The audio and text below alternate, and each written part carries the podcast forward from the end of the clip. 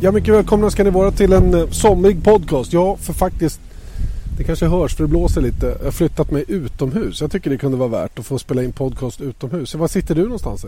Jag sitter inne. Jag är inte sån lyxlirare som du som har möjlighet att sitta var som helst. Alltså, vi får se hur länge, hur länge internetledningen räcker där ute på gräsmattan. Jag kan lova dig att den kommer att stå på all rakt igenom och du har samma möjligheter som jag. Det vet jag. Men du vill inte för du orkar inte flytta på grejerna. Eller hur? Ja, du vet allt för väl hur jag fungerar, Janne. hur som helst, det är en fin sommardag så varför inte sitta och njuta av eh, vädret samtidigt som vi spelar in den här podcasten som som vanligt då kommer att handla till största delen när du och jag sitter och babblar i alla fall om Formel 1 och eh, då får det naturligtvis också handla om Kanadas GP då, som vi såg senast. Det har gått några dagar nu sen, eh, sen sist och eh, allra först eh, kom det ju tragiska besked när tävlingen var slut. Det var en funktionär som tyvärr omkom då i en olycka skulle jag vilja kalla det och ingenting annat. Eh, en olycka som handlade om när man eh, bärgade undan Esteban Gutierrez bil så skulle den här funktionären springa in bakom bärgningsfordonet och plocka upp en radio som hade ramlat, halkade och blev överkörd så illa skadad att han inte klarade livhanken. Och, eh, det där är ju inget annat än en, en arbetsplatsolycka, eller hur? Nej, det låter ju lite grann som det, det kunde ha hänt lite var som helst. Va? Men eh, man ska ändå naturligtvis se allvarligt på det. De här funktionärerna det, det är ju entusiaster och jobbar ofta ideellt och, och, det får inte förekomma. Det är ju en annan sak, eh, de som kör och, och, så vidare. Man, man vet ju riskerna och, och är beredd att ta dem. Eh, senast det här hände, eh, hände en olycka med en funktionär var väl Monza om jag inte har helt fel. Mm. Och eh, det är ju helt oacceptabelt. Eh, det är lika tragiskt när det händer eh, Eh, som det gjorde i Kanada men, eh, men eh, lite olika omständigheter. Jo, det var ju det. Den på Monza då var ju direkt relaterat till en racerbil som kraschade. Samma sak när det var en, en funktionär i Australien som omkom på ungefär samma sätt. Så att, det här var en liten annan karaktär på det. Oavsett vad som hände så är utkomsten av det väldigt, väldigt tragisk. Det får inte ske att eh, folk får sätta livet till när de försöker se till att världens snabbaste förare ska köra runt på en bana. Det känns liksom inte värt det på något sätt.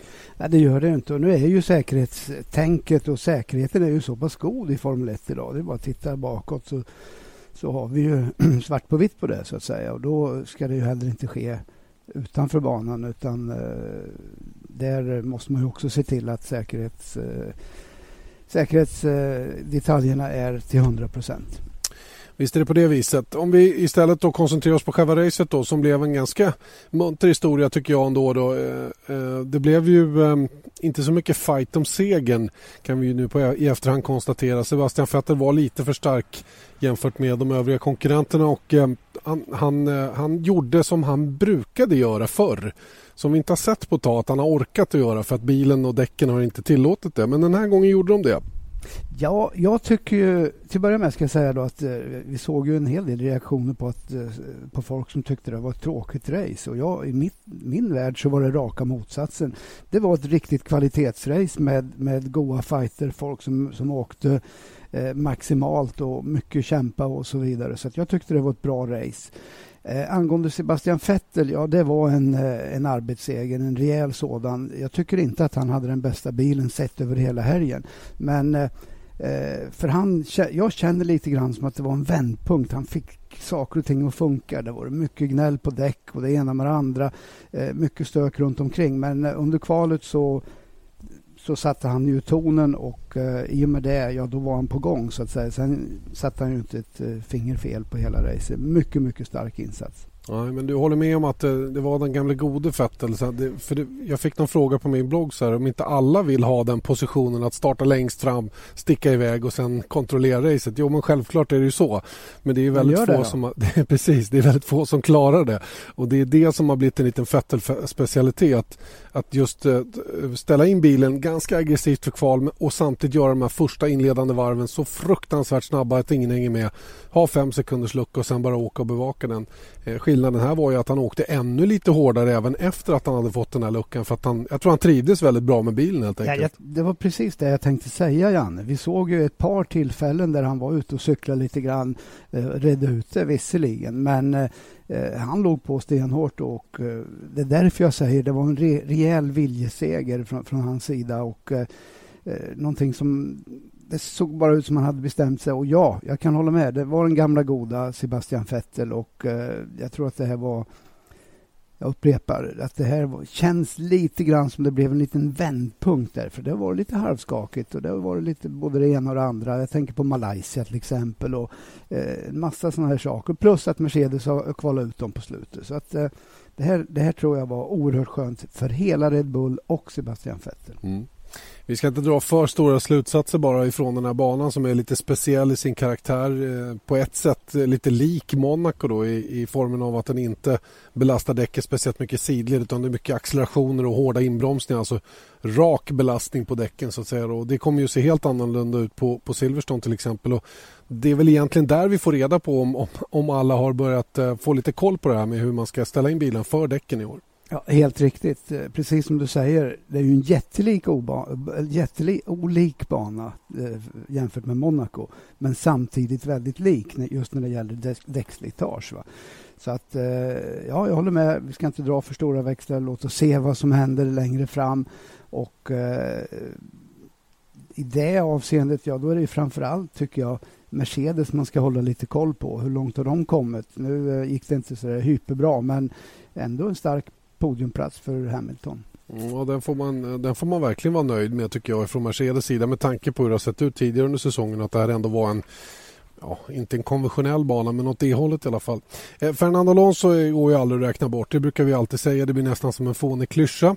Men eh, det stämmer ju. Det går aldrig att räkna bort honom. Den här gången startade han sexa eh, och bevisar återigen att svagheten i bilen ligger kanske i farten över ett varv.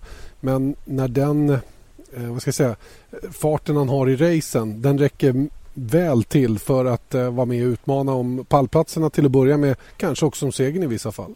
Ja, det är självklart är det ju så. Och, och eh, ja, jag kan ju bara hålla med. Och, och, Sen får väl folk tycka vad de vill. Men titta på racen och, och så är det bara att konstatera samma sak. Han är ja, vad ska jag säga, oberäknelig. Jag tycker att eh, eh, Mark Webber sammanfattade ganska bra. Han hade fått en skada på sin framvinge och han sa efter racet så här att eh, eh, det går inte att ha en bil som blöder om man har Alonso runt omkring sig. Mm. Och, och, vad han menar är att eh, då behöver man verkligen ha allt, allt, allt att funka för att eh, stå emot. Det klarar han inte till slut och Alonso är ju grym, grym. Och det tycker jag var kul därför att helgen in, eller två helger innan då i Monaco, ja, det var egentligen första gången som jag tyckte att han var lite blek. Alltså. Han, det var inte det gamla vanliga Alonso. Nu var han tillbaka, insåg allvaret. Det går inte att ge bort poäng hur som helst och eh, såg oerhört stark ut. Och faktum är att om vi tittar på hela helgen, jag tänker på fredagsträningen där, så var han lite av en favorit innan kvalet. Men sen misslyckades han ju tyvärr för hans del i kvalet. Mm. Och det, jag tycker deras, eh, deras kval, framförallt Ferraris kval, pekar på svårigheten i år. Vilken, vilken väg ska man gå egentligen med, med bil och med setup? Eh, vi har ju vetat sedan tidigare att, eh, att Red Bull är väldigt aggressiva över ett varv och jättesnabba över ett varv. Mercedes verkar ha gått den korridoren så att säga. Då. Sen har vi haft en Ferrari då som har legat lite grann åt andra hållet och där är det Lotus som har gått i bräschen i den korridoren så att säga. Då, mm, att, att ha bilar som är snälla mot däcken istället. Ja, och där fick vi också se resultatet. Det var betydligt kallare än vad man hade räknat med och eh, det blev ju betydligt mindre torrkörning.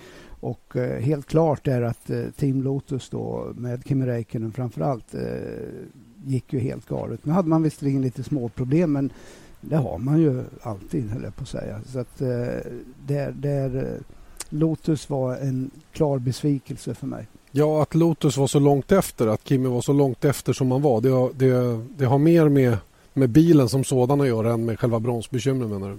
Ja, jag vill nog påstå det. Och, eh, Ja, jag är lite grann rädd för att vi har sett en första indikation på det som precis som vi misstänkte i början på året att kanske att Lotus inte har de där resurserna som krävs för att ligga i framkant och, och försäkra sig om att bilen uppdateras och, och ta de här viktiga stegen under säsong. Det är en sak att börja med en bra bil och eh, dra nytta av den de första tävlingarna men ska du vara med och slåss om VM, ja då gäller det att vara riktigt aggressiv och på tå hela vägen. Och eh, Frågan är om Lotus är det. Och Det är ju tragiskt för Kimmy för att det kommer att bli tufft för honom om han ska slåss om den där eftertraktade VM-titeln. Ja, och vet du vad? Det finns ett par andra saker som, som inte heller spelar Lotus i händerna. Eh, det är nämligen så att nu kommer vi till Silverstone. Vi, det är inte världens mest kända väderstarka fäste om man säger så. Här kan det mycket mm. väl vara ostadigt väder rakt genom hela helgen och lägre temperaturer än väntat. Det kan också vara väldigt, väldigt varmt. Så att här vet vi egentligen inte riktigt. Va? Men, men, eh, Nej, men det är ju som du säger, ja, det är ju sällan man är på Silverstone en hel helg utan att det, att det regnar någon gång. Jag mm. menar, det behöver vi inte förklara för någon. Det är, det är bara att konstatera så bara. att så är det på det mm. flygfältet. Och samma sak egentligen i Tyskland. Det är inte heller eh, klockrent eh, sommarväder varje gång man kommer dit. Och speciellt inte på Nürburgring där vi ska vara i år. Nej, framförallt Nürburgring. Jag menar, där kan det ju vara det kan ju vara hur kallt som helst där uppe på, mm. på höjderna. Ja, men det kan vara 30-35 poäng som man tappar i de två tävlingarna, Kimmy. Och det, ja. det har han inte råd med.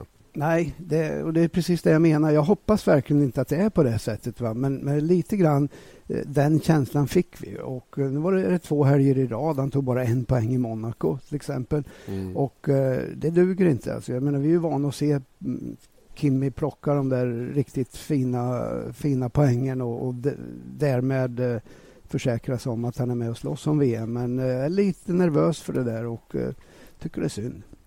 Visst 17 är det det.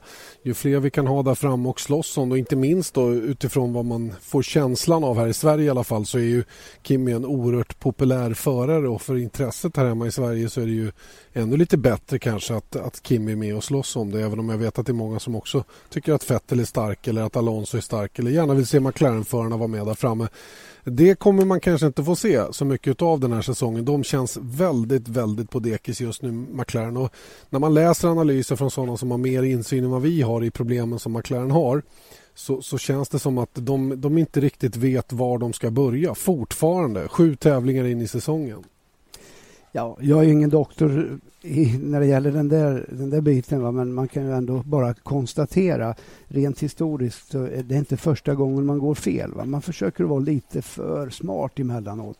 Och äh, inför det här året så kan man ju undra varför man inte tog mer eh, fokus på det man hade i slutet på förra året utan eh, då man kanske hade den allra bästa bilen. Nej, utan nu var det nytänkande och nu skulle man bli ännu bättre och det blev en flopp. Det kan vi konstatera nu och då är det jobbigt. Alltså. Då är det riktigt jobbigt. Och som jag sagt förut, Janne, det är ju så här att eh, för jag menar, de har ju alla problem som finns att få. Det är en sak som Mercedes till exempel, som har en, en riktigt snabb bil. Ja, då vet du vad du ska jobba med.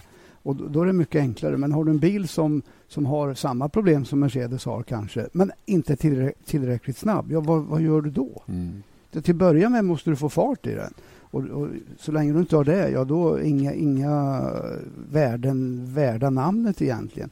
Så där, jag, jag har svårt att, att, tänka mig att man ska innan man når en punkt när man måste helt enkelt släppa årets bil. Jag har svårt att tänka mig att man ska komma ikapp. Jag tror inte det. Ja, man har i alla fall själva erkänt att eh, mästerskapet kan de nog glömma vid det här laget och få börja göra punktinsatser istället. Försöka, försöka kanske ta en seger eller, eller åtminstone nå pallen eller någonting. Eh, vad jag undrar också lite grann. Eh, Paddy Lowe lämnar ju nu McLaren för att gå till Mercedes. Hur, hur stor impact har det tror du? Och vem bär ansvaret för att det har gått så snett som det har gjort? Ja, det kan inte jag. Det kan inte jag. Vem tycker du bär ansvaret? Om jag, säger Nej, så? jag tycker ju att i slutändan så är det ju på, på högsta managementnivån där man naturligtvis måste dra upp riktlinjerna. Självklart ta in alla förslag från, från de olika eh, avdelningarna och olika personerna. Men, men på något sätt så eh, tycker jag att ibland glömmer man bort det här som heter eh, sunt bondförnuft, Janne. Mm. Ofta mm. så funkar det ganska bra. Och, och, det är väl lätt i efterhand naturligtvis att vara, vara, vara klok. Men eh, visst skulle det varit bättre att, att, bara bygga vidare på fjolårsbilen istället för att eh, gå för en full utmaning och, och som, som väl avsåg och, förmodligen att utklassa de andra, inte vet jag. Men på något sätt så känns det ändå som att det borde ha styrts upp från högsta nivå. Och då pratar vi Martin Whitmarsh. Mm. Ja, han får ju naturligtvis gå på inrådan av de, de tjänstemän han har på de olika posterna och, och vad de ger för liksom, input ja, till, till vilka klart. design... Men det är samtidigt han som, som måste ta, göra riskbedömanden av de olika, eh, olika koncepten som presenteras för, för, för, han, för honom Eller hur? Just. Så att eh, jag vet inte vem man ska skylla på. De får väl eh, ta sig en liten funderare hemma hos McLaren helt enkelt. Men eh, helt klart är väl det att Paddy Lowe's eh, bortavaro, han är ju inte kvar längre, jobbar ju för Mercedes nu. Mm. Eh, det var ett stort, eh, stort bortfall och eh, han om någon kunde ha varit med och rätta till det här.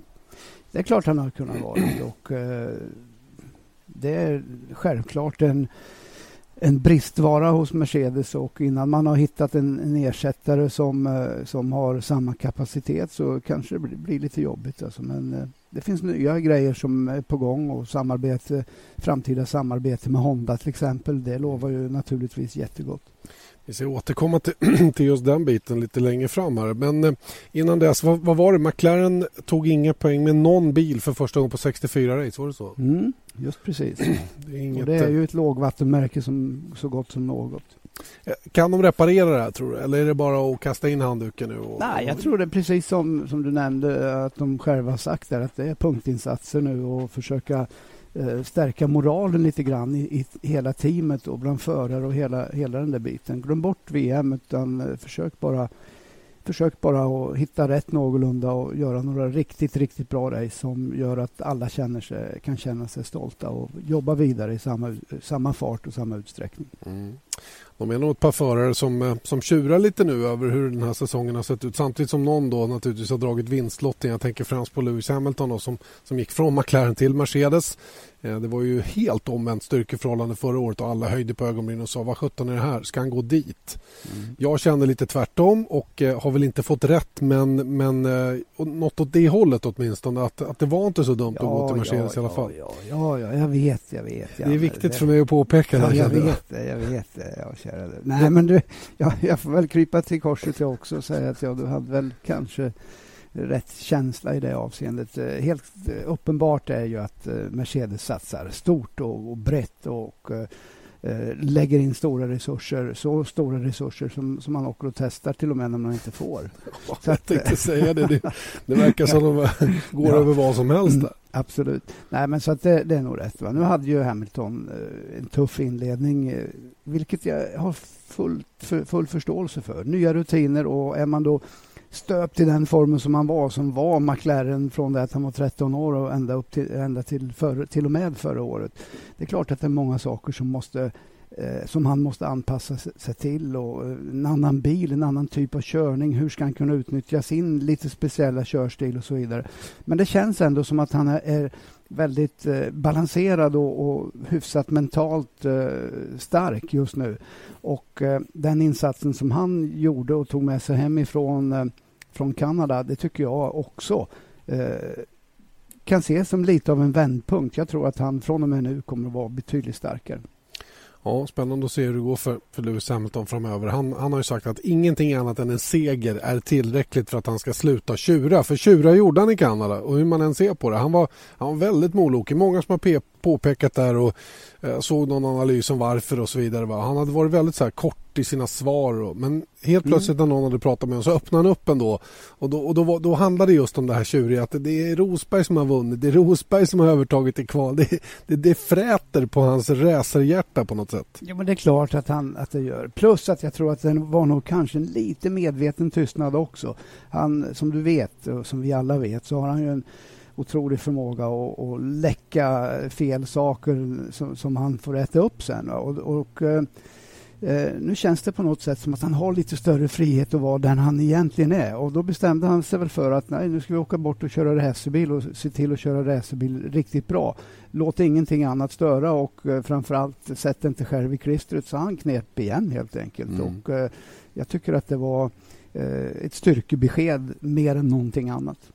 Och det är också intressant. Det ska vi prata om i någon annan podcast tror jag. Hur, hur de olika förarna jobbar med massmedia och hur de väljer att framställa sig själva.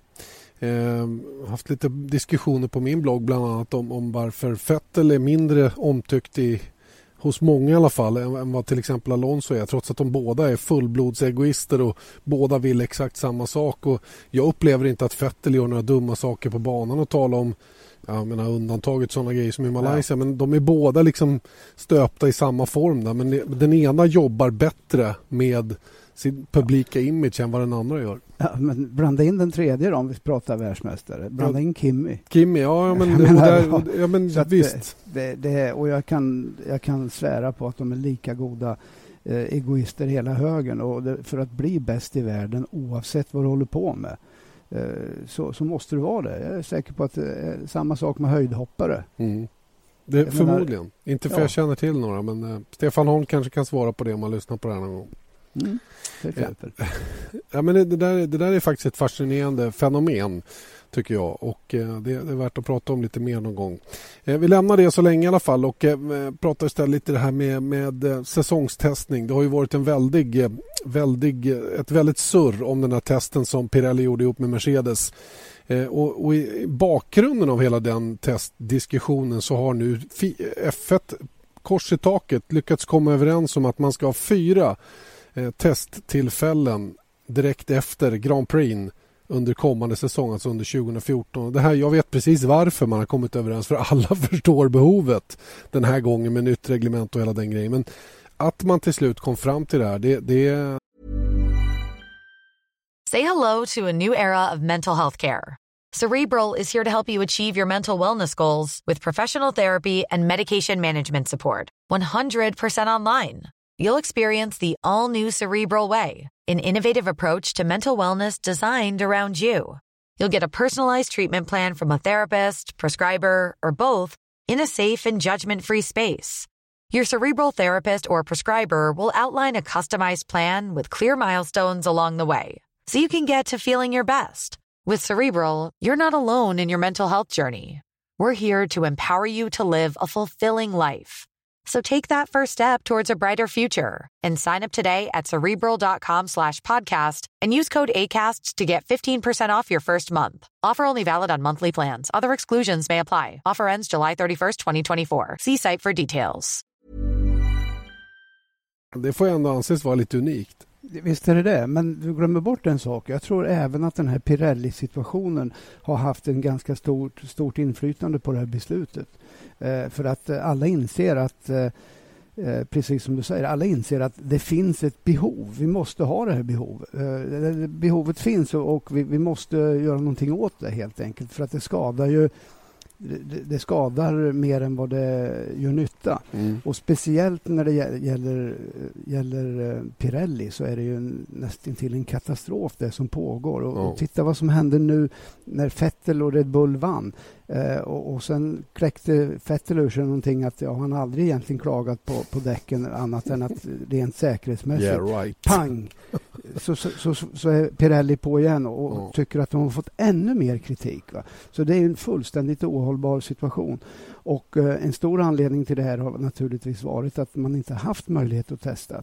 Så att eh, ja, man får man, orättvis man, kritik. Pirelli har fått orättvis kritik. Visst har man fått det. Och sen, sen, är det en annan sak också. Paul Hembry då, som är eh, Pirellis talesman, får inte glömma bort en sak.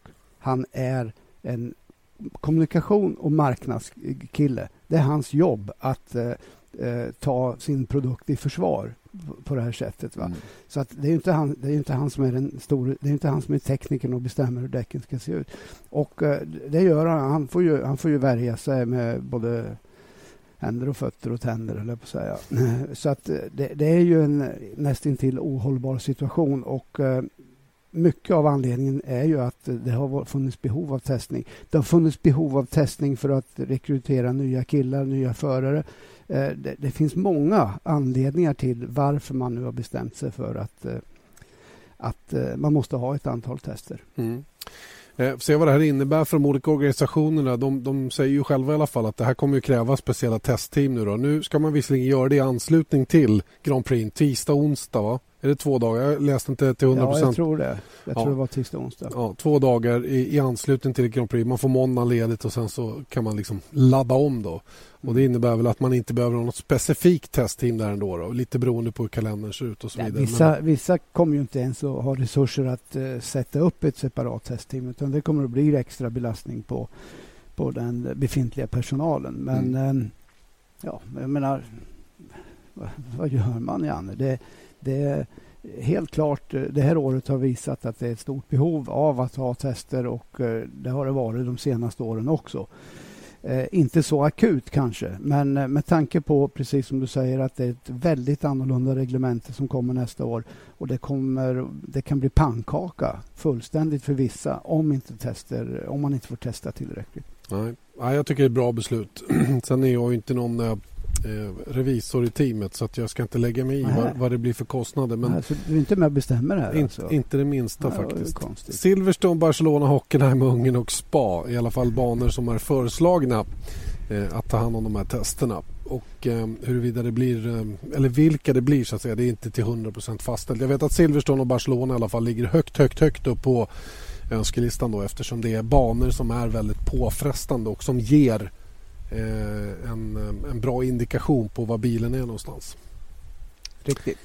Eh, ja, sen har vi ju då läst oss till idag från våra kollegor i Finland på Turun Sanomat att James Allison då enligt uppgift har tackat ja till ett jobberbjudande från Honda och eh, det är ju ett eh, väldigt smart drag från Allison om man nu vill jobba för han är ju nämligen i karantän. Han har fortfarande ett kontrakt med Lotus och så länge det kontraktet gäller så får han ju inte jobba hos någon annan och eftersom Honda då inte innefattas av den här karantänen eh, förrän i slutet på 2014 då när man blir officiell motorleverantör till McLaren så kan ju han ta ett jobb där och göra väldigt, väldigt mycket nytta, eller hur? Absolut. Hur mycket nytta som helst och det är ett smart drag av kanske McLaren. Ja, just det. För att eh, det har varit mycket rykten kring Jim Sallis om vad han skulle ta vägen. De har satt honom hos, eh, som någon slags eh, eh, kompanjon till Pat Fry hos Ferrari. De har satt honom eh, hos Red Bull som någon arvtagare till Adrian Newey som ska gå i pension. Och de har satt honom hos McLaren också då. Men eh, ingenstans har man eh, bekräftat eller gjort någonting då.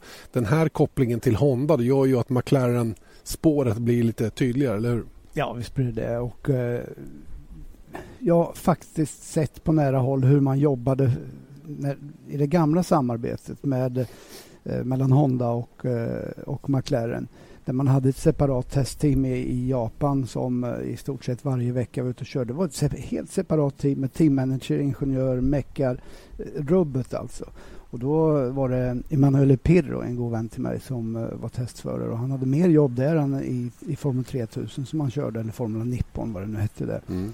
Så att uh, det är lite grann deras stil. Och jag har ju en hel del erfarenhet av, av hur Honda jobbar i Formel 1 och uh, om man ska titta på de japanska tillverkarna så är det ju Honda som helt klart har den rätta attityden och rätt, vill ha den imagen. De vill vinna i, i de stora klasserna bara titta på MotoGP. Eh, så att eh, eh jag har stort förtroende för dem och eh, dessutom är jag god vän med eh, sonen Honda, Hirotoshi Honda som drev Mugen och han har ju varit en väldigt, väldigt viktig faktor i att, att Honda Honda jobbar på, på det sättet som de gör. Va? Så att jag, jag räknar med att att eh, de kommer mycket, mycket väl förberedda, klara i praktiken och vinna direkt från första tävling. Mm. Det är intressant hur de gör nu då. För, för som jag har förstått det så kommer ju, de måste ju ha någon form av bil för att sätta mm. den här motorn på och testa den med. Och, och Finns, finns resurserna hos Honda att till och med bygga en contemporary Formula One-car, alltså en modern Formel 1-bil eller tar de och köper någonting som finns på marknaden? Eller hur, går de tillväga tror du? Jag är lite osäker på det. Alltså, men jag, menar, jag är övertygad om att eh, jag menar, om de kanske redan för x antal månader sedan gick till Dalara och, och bad att få två chassin mm. eh, byggda som eh, överensstämmer med, överensstämmer med eh, någorlunda med eh, hur, hur, bilarna ser ut idag. Eh, de byggde ju HRTs eh, bilar som kan, du kanske kommer ihåg. Det. Och det var ju ingen hit. Men där fanns det inte resurser. Men hos Honda kommer ju resurserna att finnas. Så att eh, jag tror att kompetensen finns definitivt hos Dalara. Så en sådan lösning skulle vara fullt möjlig. Och sen sätter man upp ett, ett team hemma i Japan och sen ligger man och testar och kör ända tills eh, ögonen blör. Fatta vad duktigt, eh, vad duktigt eller vilken nytta de ska ha av James Allison återigen då i en sån konstellation så att säga där, där de bara ska testa all, med all den erfarenhet. Han är en av de mest ansedda ingenjörerna av dem allihopa. Ja, vilken smart lösning alltså, och vilket eh, bra sätt att komma in i det. Men det är Honda, det är Hondas melodi. De gör ingenting halvhjärtat om de ska göra någonting. Och, eh, Eh, självklart, om vi tittar på Toyota, det, det, gör inte de heller, men det är en mycket, mycket större apparat hos, Toyota. Det, det, är för mycket byråkrati och, och saker och ting går för sakta. Det, det, det, är för få som vågar ta ett, ett, eh, ett, ansvar. Hos Honda är det mer racingbetonat och uh, saker och ting har kortare väg från tanke till beslut. Mm. Och Det kommer att vara det som avgör och det är det som har gjort att de har varit så framgångsrika i allt de har gjort eh, Eh, the Japanese way, om vi får kalla det det. Jag vet ju när du har berättat för mig om Bridgestone och deras förberedelser för att komma in i Formel 1, hur tidigt det började och hur de jobbade på ungefär samma sätt. Va? Hur de köpte bilar och började testa sina däck och, och jag menar, jobbade på ett helt annat sätt än, än vad Pirelli har möjlighet att göra idag. Ja, det är ju långsiktigt tänkande och eh, naturligtvis eh, Eh, naturligtvis är det det som ger resultat och det är ju, så ska man ju göra med allting egentligen. Jag önskar att jag var lika långsiktig i mina beslut. Nej. det skulle aldrig gå. Jag skulle aldrig hoppa i den där kanoten häromdagen till exempel. Jag ska fundera på hur man gör först. ja, men det är som att sätta upp IKEA-möbler. Learning by doing. Ja, ja. ja. Så är det i vart fall. Vad, vad, tror du en sån där satsning från Honda? Det här är ju omöjligt för dig att svara på. Men jag tycker om att höra dig spekulera i alla fall. För Honda är ju väldigt starka i MotoGP till exempel. Eh, snor där massa resurser? Är det, eller är det bara en missuppfattning? Är det två helt olika spår? Har de olika Snor liksom, resurser från? Från varandra? Nej, det tror jag inte. Nej. Absolut inte. Utan det är separata projekt. och... Eh, Eh, ja, ärligt talat så vet inte jag hur den japanska bilindustrin står sig, hur, hur de säljer idag. Va? Men, eh, eller också är det väl så att det kanske går dåligt om man beslutar sig för att investera för att få igång det igen. Va? Just det. För de har varit borta ett tag. Men att, eh, att resurserna finns för att klara bägge sakerna ingen diskussion. Sen blev man väl lite bränd naturligtvis med den egna satsningen i Formel 1 och, och går tillbaka till något gammalt beprövat, slår sig ihop med ett av de ekonomiskt eh, starkaste teamen, McLaren. Jag tycker att det är helt rätt och det kommer att bli en, eh, en viktig faktor i Formel 1. Vet du det sjuka är att jag tror ju att den här skitsäsongen som McLaren har, jag tror att det kommer att vara deras, deras lyckas smed framöver för att de eh, tidigt nu kan eh, flytta fokus mot nästa års reglemente och eh, på sikt då förbereda sig ännu lite mer för att ta in Honda i familjen igen. Mm. Mycket, mycket troligt.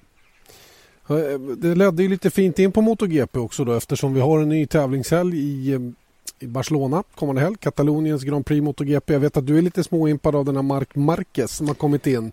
Det verkar vara en orädd liten ung herre som som vrider på handtaget så mycket det går och så får han hoppas att det håller. Ja, jag är otroligt imponerad av hans attityd och hans fart framför allt. Lite orolig var jag när jag såg, såg hur han kör. Alltså jag tänkte att bara att han inte slår, slår sig i backen eh, stup i kvarten och, och skadar sig för då, då kan, kan det ta tid innan man kommer tillbaks. Men det verkar inte beröra honom på något sätt. Va? Han har inte slagit sig nämnvärt. Va? Men Ja, det, är, det är en kille som eh, på något sätt känns det nästan som att han, han är den nya tiden, nya generationen.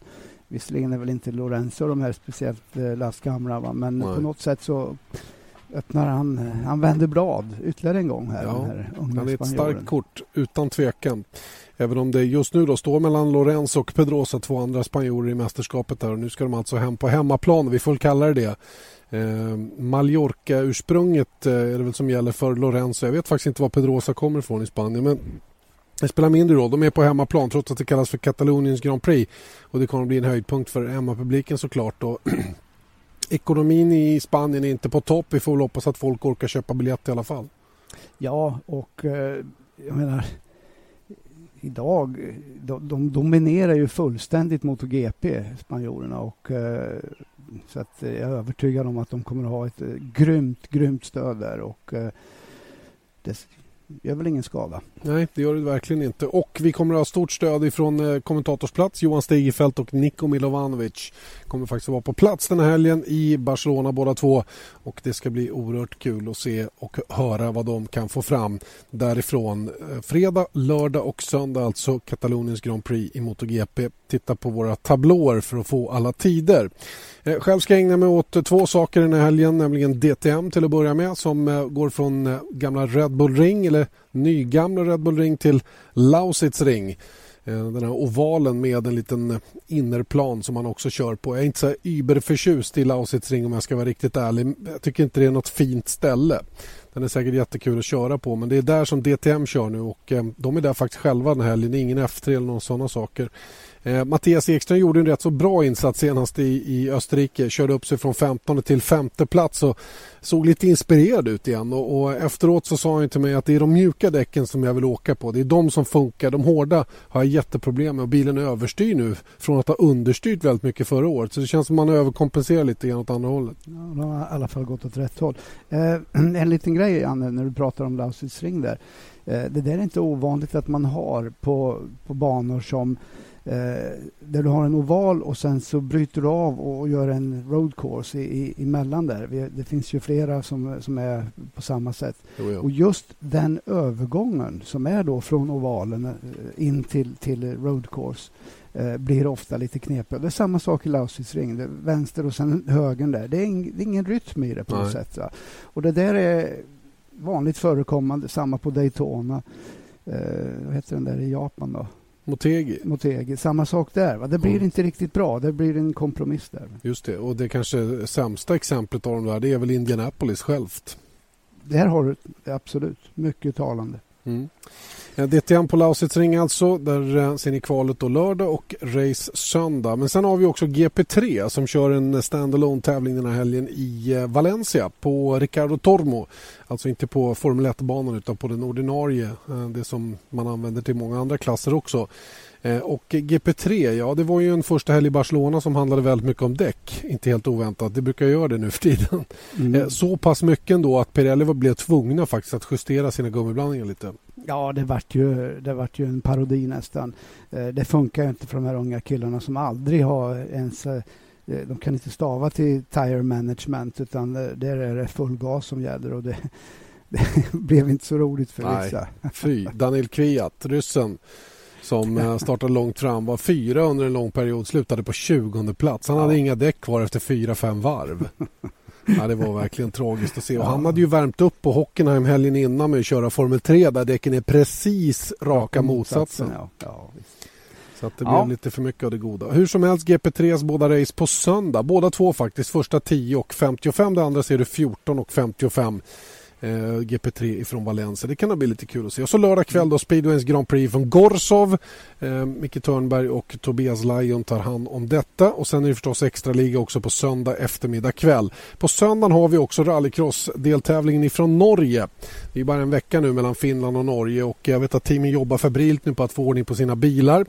Ehm, och ehm, en liten nyhet från rallycrossvärlden är ju att ehm, Knut Ove Börstedt, norrmannen som har kört i samma team som Peter Hedström, de har tävlat i varsin Skoda, de avbryter det här samarbetet. Och just nu så vet jag att i kulisserna spekuleras om vem som ska köra den där bilen istället för norrmannen. Och det är många som har trott att Janne Flash Nilsson skulle göra comeback och köra den där för han testade nämligen Hedströms Skoda tidigare i år. Nu eh, har jag fått det bekräftat att det inte är Flash men att det är en okay. annan stor profil och då är det ju fritt framför oss och vill spekulera. Vem tror du? Ja, I så fall är det väl Kenny då som ska göra ett nytt försök. Han har ju fuskat lite det där tidigare och gillar den typen av körning och är oerhört eh, stark just när det gäller den typen av körning. Så ja. det skulle, inte förvåna. Kenny Bräck, eller Benny Knäck som vi kallar, för, kallar honom för också. Hur som helst, ja varför inte? Det vore väl ja. kul. Han var ju på Valla och körde um, en av Andreas eh, Fordar när de visade upp sig lite grann under STCC-helgen. Så att han kanske är uppvärmd och klar.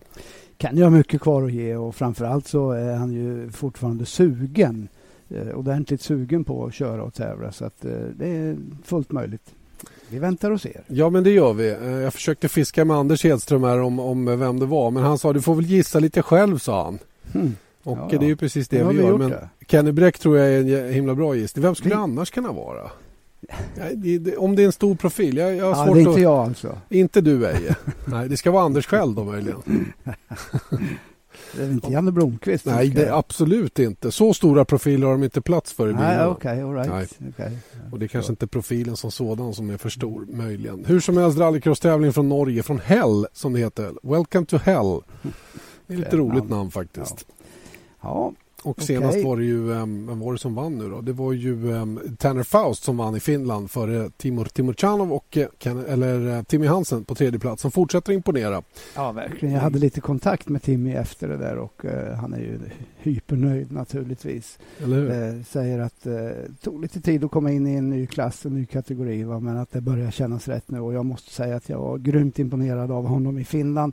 Han har lite annan körstil än de där rallynissarna som Så inte rallynissar du, då kommer de elda Ja, huset det, för. det, det var inte negativt menat, men sådana som, som har mer vana av, av gruskörning än asfalt. Tim är ju tvärsom. Mm. Han är ju skolad på asfalt. Mm. Och det syns ju i hans eh, betydligt snårare körstil. Och jag tror att det är ett vinnande, vinnande spår. Mm.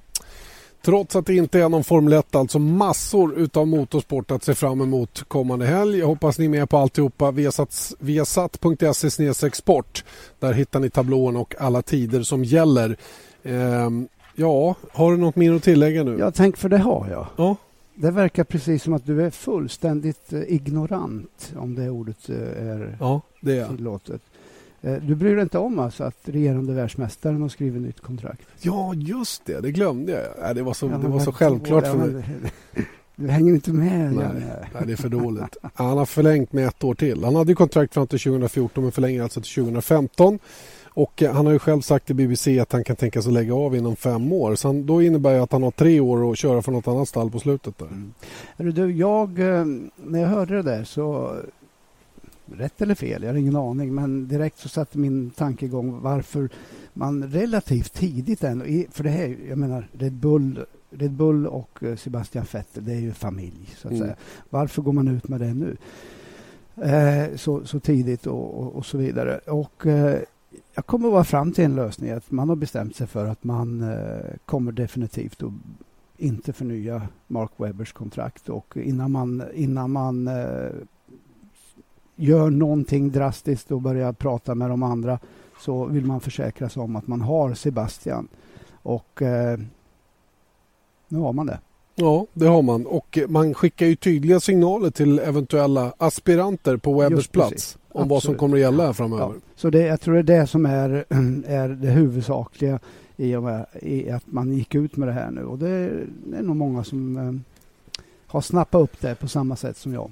Det, Och du? intress- det intressanta i kråksången är också att du inte fick något kontraktsförslag efter ditt oerhört, imponerande försök i simulatorn. Där.